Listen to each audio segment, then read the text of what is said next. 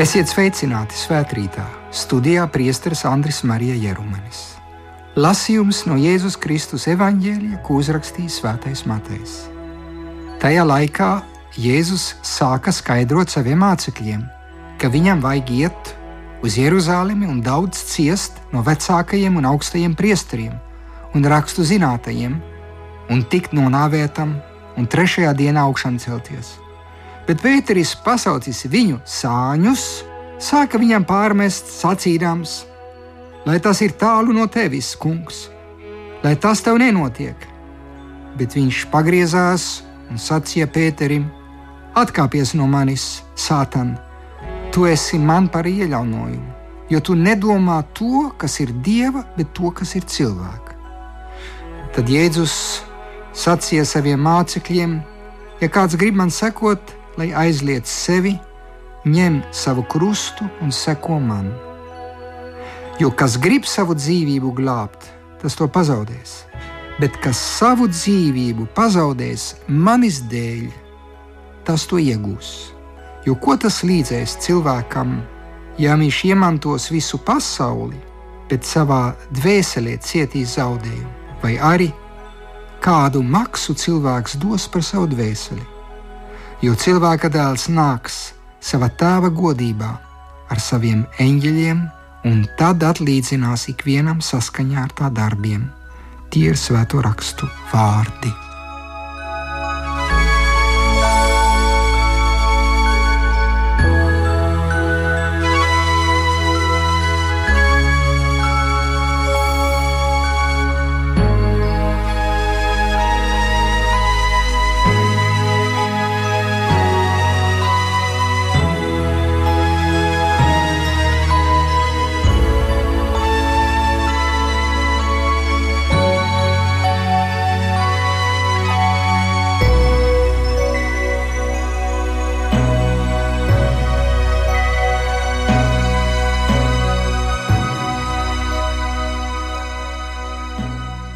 Pēteris atklāja Jēzus patiesu identitāti un izdara neticamu atklājumu, ka šis nāceretes galdnieks ir neviens cits kā Kristus, Izraēla svaidītājs un viņa tautas divu tūkstošus gadu ilgo gaidu piepildījums.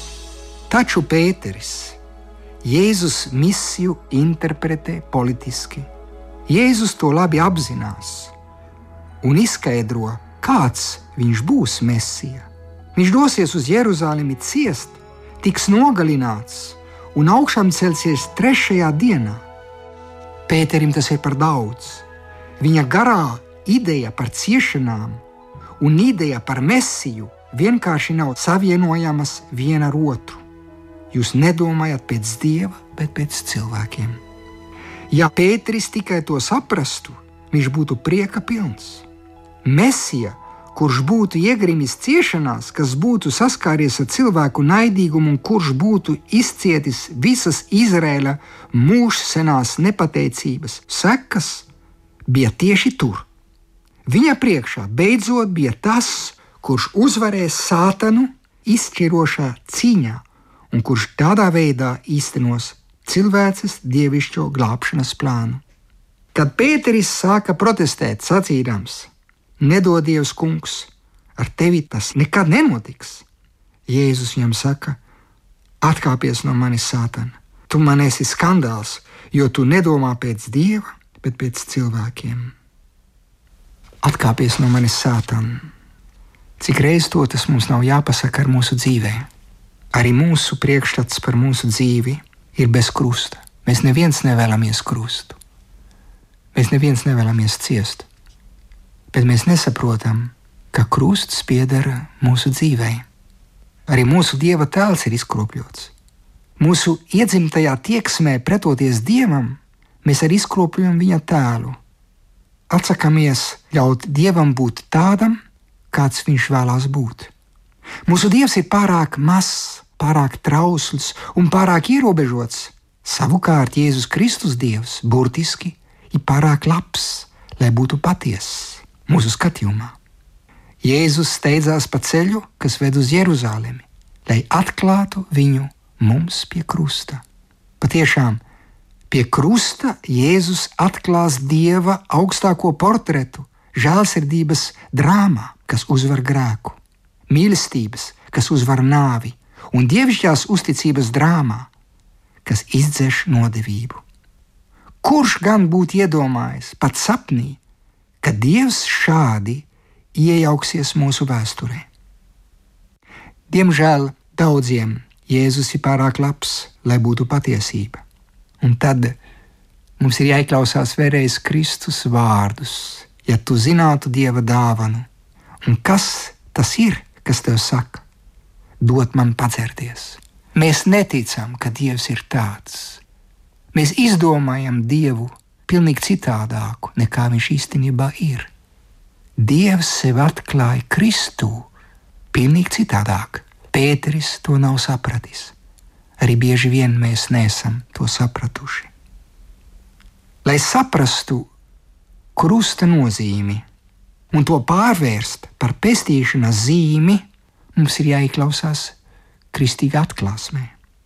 Lai to saprastu, ir jāieiet Jēzus perspektīvā, jāuzņemas viņa skatiens.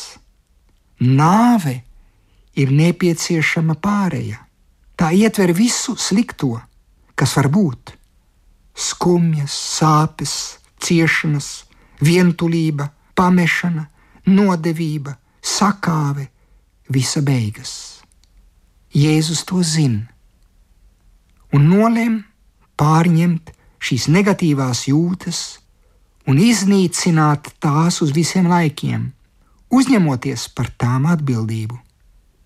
Tas, kas parāda Jēzus uzvaru, ir viņa augšāmcelšanās, viņa atgriešanās dzīvē, neļaujot sevi satriekt šiem ļaunumiem.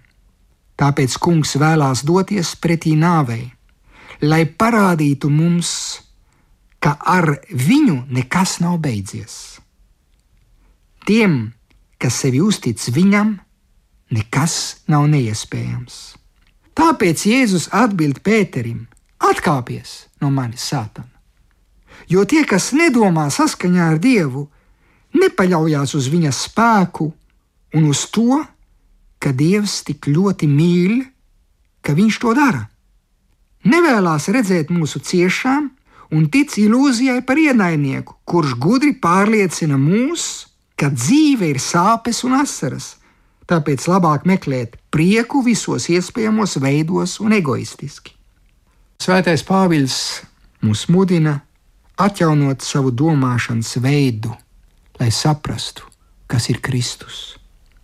Tas nozīmē celt savu krustu, pacelt savu krustu, jautāt Dievam, kas ir pareizi mūsu dzīvē, un nest to krustu uz priekšu ar pārliecību, ka viņš nekad neatstāja mūs vienus. Ja jautāsim, kas ir mans krusts manā dzīvē? Gadsimtu gaitā ir noskaidrots, ka ciešanās slēpjas īpašs spēks, kas cilvēku iekšēji velk pie Kristus, īpaša žēlastība. Daudzi svētie krustā parādā savu dziļo pievēršanos, piemēram, Svētais Francisks no Asīzes, Svētais Ignācijas no Loyolas. Šādas atgriešanās auglis ir ne tikai tas, ka cilvēks atklāja ciešanu glābjošo nozīmi, bet galvenokārt tas, ka ciešanās viņš kļūst par pilnīgi jaunu cilvēku. Viņš gandrīz atrod jaunu mērauklu visai savai dzīvei un aicinājumam. Šis atklājums ir īpašs apliecinājums garīgajam diženumam, kas cilvēkā pilnīgi nesalīdzināmā veidā pārspēj ķermeni. Kad šis ķermenis ir dziļi slims, pilnīgi rīcība nespējīgs, un cilvēks gandrīz nespēj dzīvot un darboties, iekšējais briedums un garīgais diženums tiek vēl vairāk uzsvērti, veidojot aizkustinošu mācību veseliem un normāliem ļaudīm. Šis iekšējais briedums un garīgais diženums ciešanās noteikti ir īpašas atgriešanās un sadarbības ar krustās izto pestītāju žēlastību auglis. Viņš pats darbojās cilvēku ciešanu vidū, izmantojot savu patiesības garu ar mierinājumu garu. Tas ir tas, kurš savā ziņā pārveido pašu garīgās dzīves būtību, norādot cietajam cilvēkam sev tuvu vietu. Tieši viņš, kā skolotājs un iekšējais vadītājs, māca ciešošajam brālim un māsai šo apbrīnojamo apmaiņu, kas atrodas pestīšanas noslēpuma pašā centrā. Ciešanas pašas par sevi ir ļaunuma sajūta, bet Kristus to ir padarījis par visstingrāko pamatu galīgajam labumam. Tas ir mūžīgās pestīšanas labā.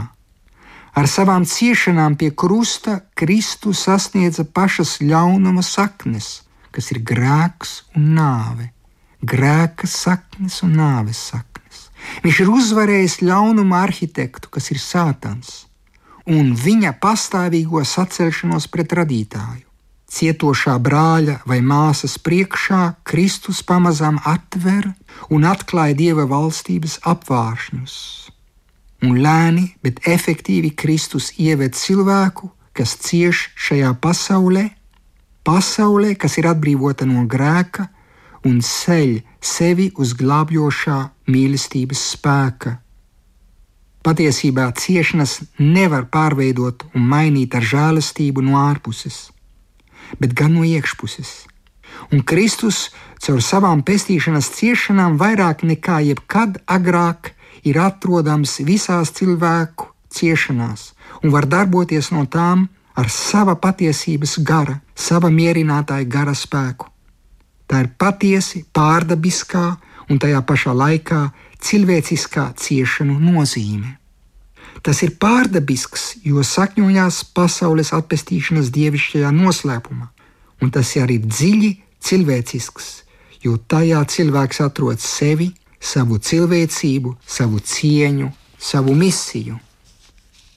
Varam pieminēt ka Jānis Pāvils II par ciešanām ir uzrakstījis garu vēstuli, kad pats gulēja slimnīcā, sašauts pēc atentāta, bet palicis dzīvs un jautājot sev un jautājot Dievam, kāpēc šīs ciešanas viņš mums atstājis brīnišķīgu vēstuli par svētīgām ciešanām. Viņš runā par ciešanu evaņģēliju Tādā nozīmē, ka pastāv laba vēsts, ko mums atklāja Kristus. Viņš raksta, ciešanas noteikti pieder cilvēka noslēpumam. Vatikāna otrais koncils izteica šo patiesību, ka patiesībā tikai iemiesotā vārda noslēpumā cilvēka noslēpums atrod patieso gaismu. Patiesībā Kristus, kas ir jaunais Ādams, tieši atklājot tēva un viņa mīlestības noslēpumu, arī pilnībā atklāja cilvēku sev un dara viņam skaidru viņa augstāko aicinājumu. Jā, šie vārdi attiecās uz visu, kas attiecās uz cilvēka noslēpumu. Tad tie noteikti ļoti īpašā veidā attiecās, saka Pāvests Jānis Pāvils II, uz cilvēku ciešanām. Kā liecina pieredze, gadās arī, ka tas ir īpaši dramatiski. Tomēr kad tas ir pilnībā paveikts un kļūst par cilvēka dzīves gaismu, tas arī ir īpaši svētīts.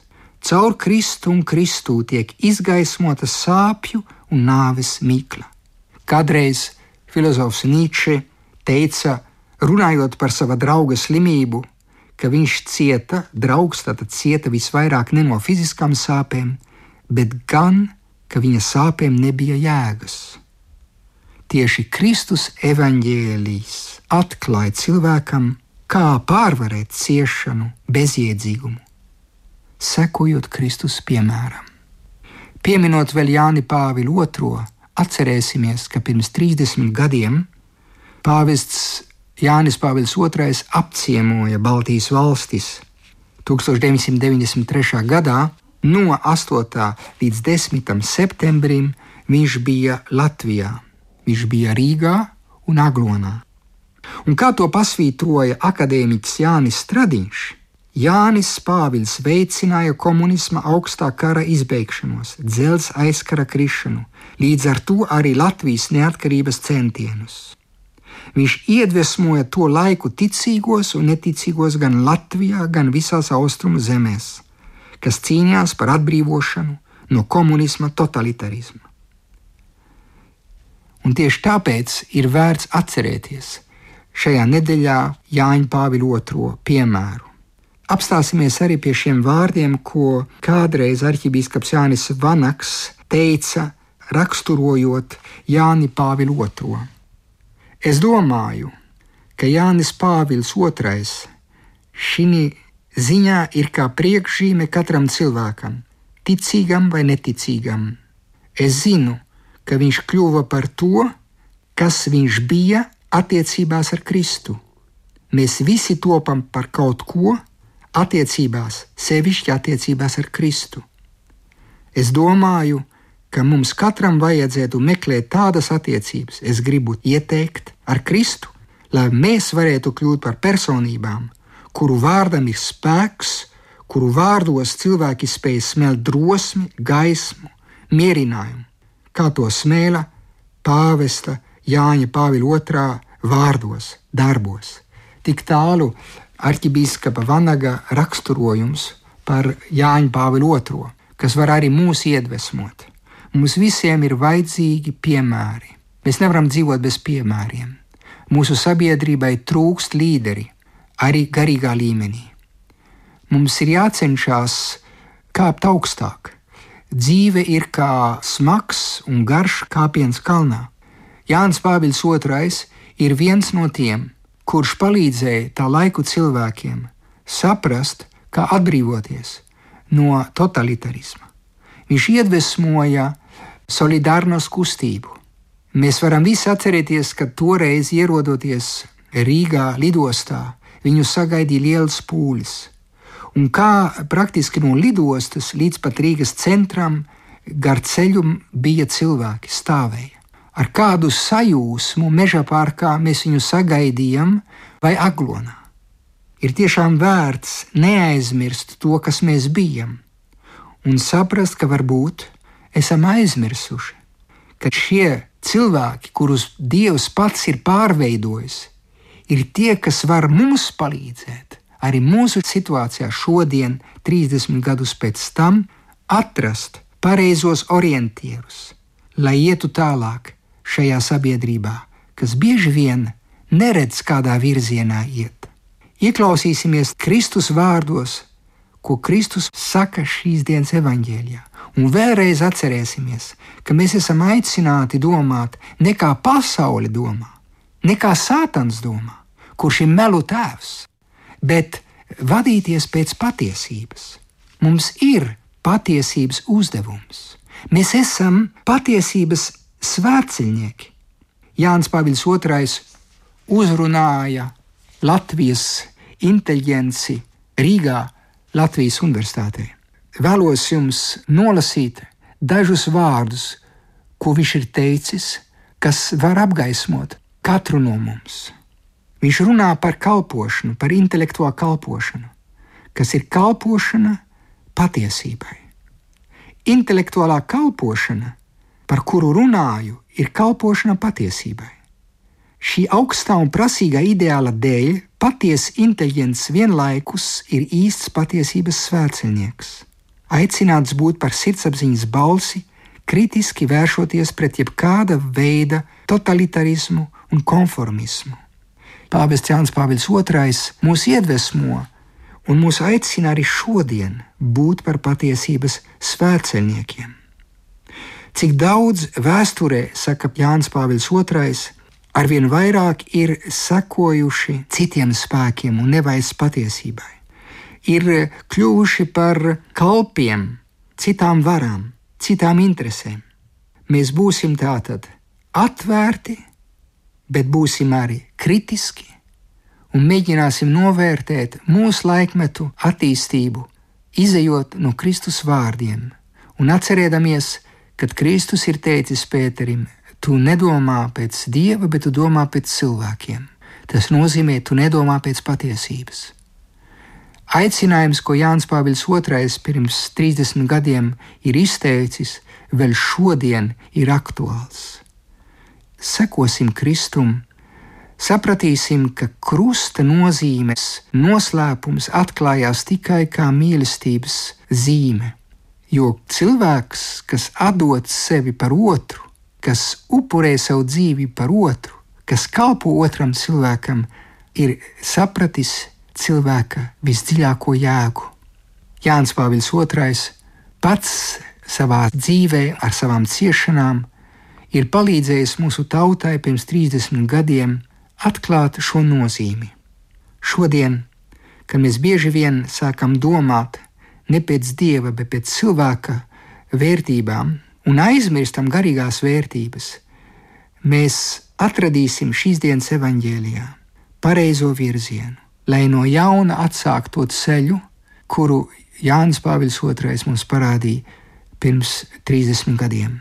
Šodien, kad strīdamies, šodien, kad mēs apvainojam viens otru, šodien, kad mēs bieži vien nejūtam vairs piederību vienai tautai, bet domājam tikai par sevi, mēs esam aicināti atcerēties to, ko Jānis Pāvils II mums atgādināja gan Aglonā, gan Latvijas Universitātē. Šie ir vārdi, kas būs kā gaisma mūsu dzīvē. Amen! Kungs,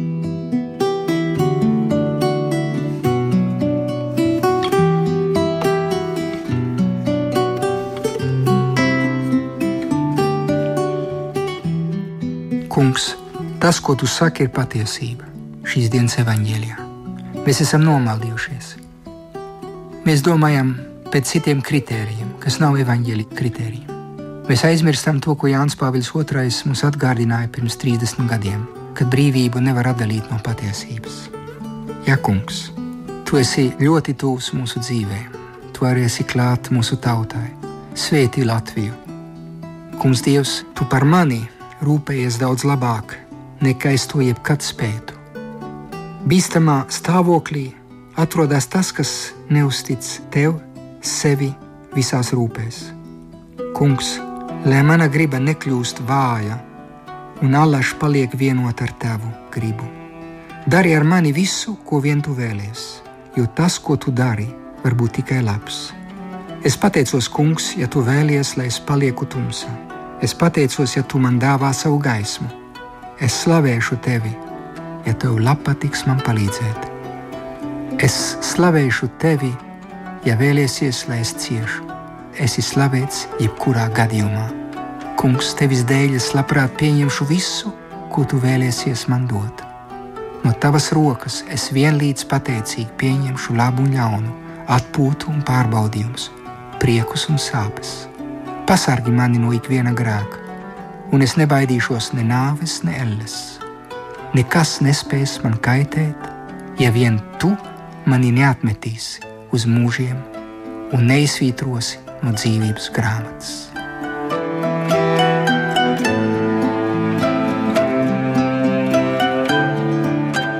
Tēvs mūsu, kas esi debesīs, svētīts lai top tavs vārds, lai atnāktu tava valstība Tavs prāts, lai notiek kā debesīs, tā ir virs zemes. Mūsu dienascho maizi dod mums šodien, un piedod mums mūsu parādus, kā arī mēs piedodam saviem parādniekiem, un neieved mūsu kārdināšanā, bet atpestī mūs no ļauna. Jo tev pieder valstība, spēks un gods. Mūžīgi mūžos Āmen!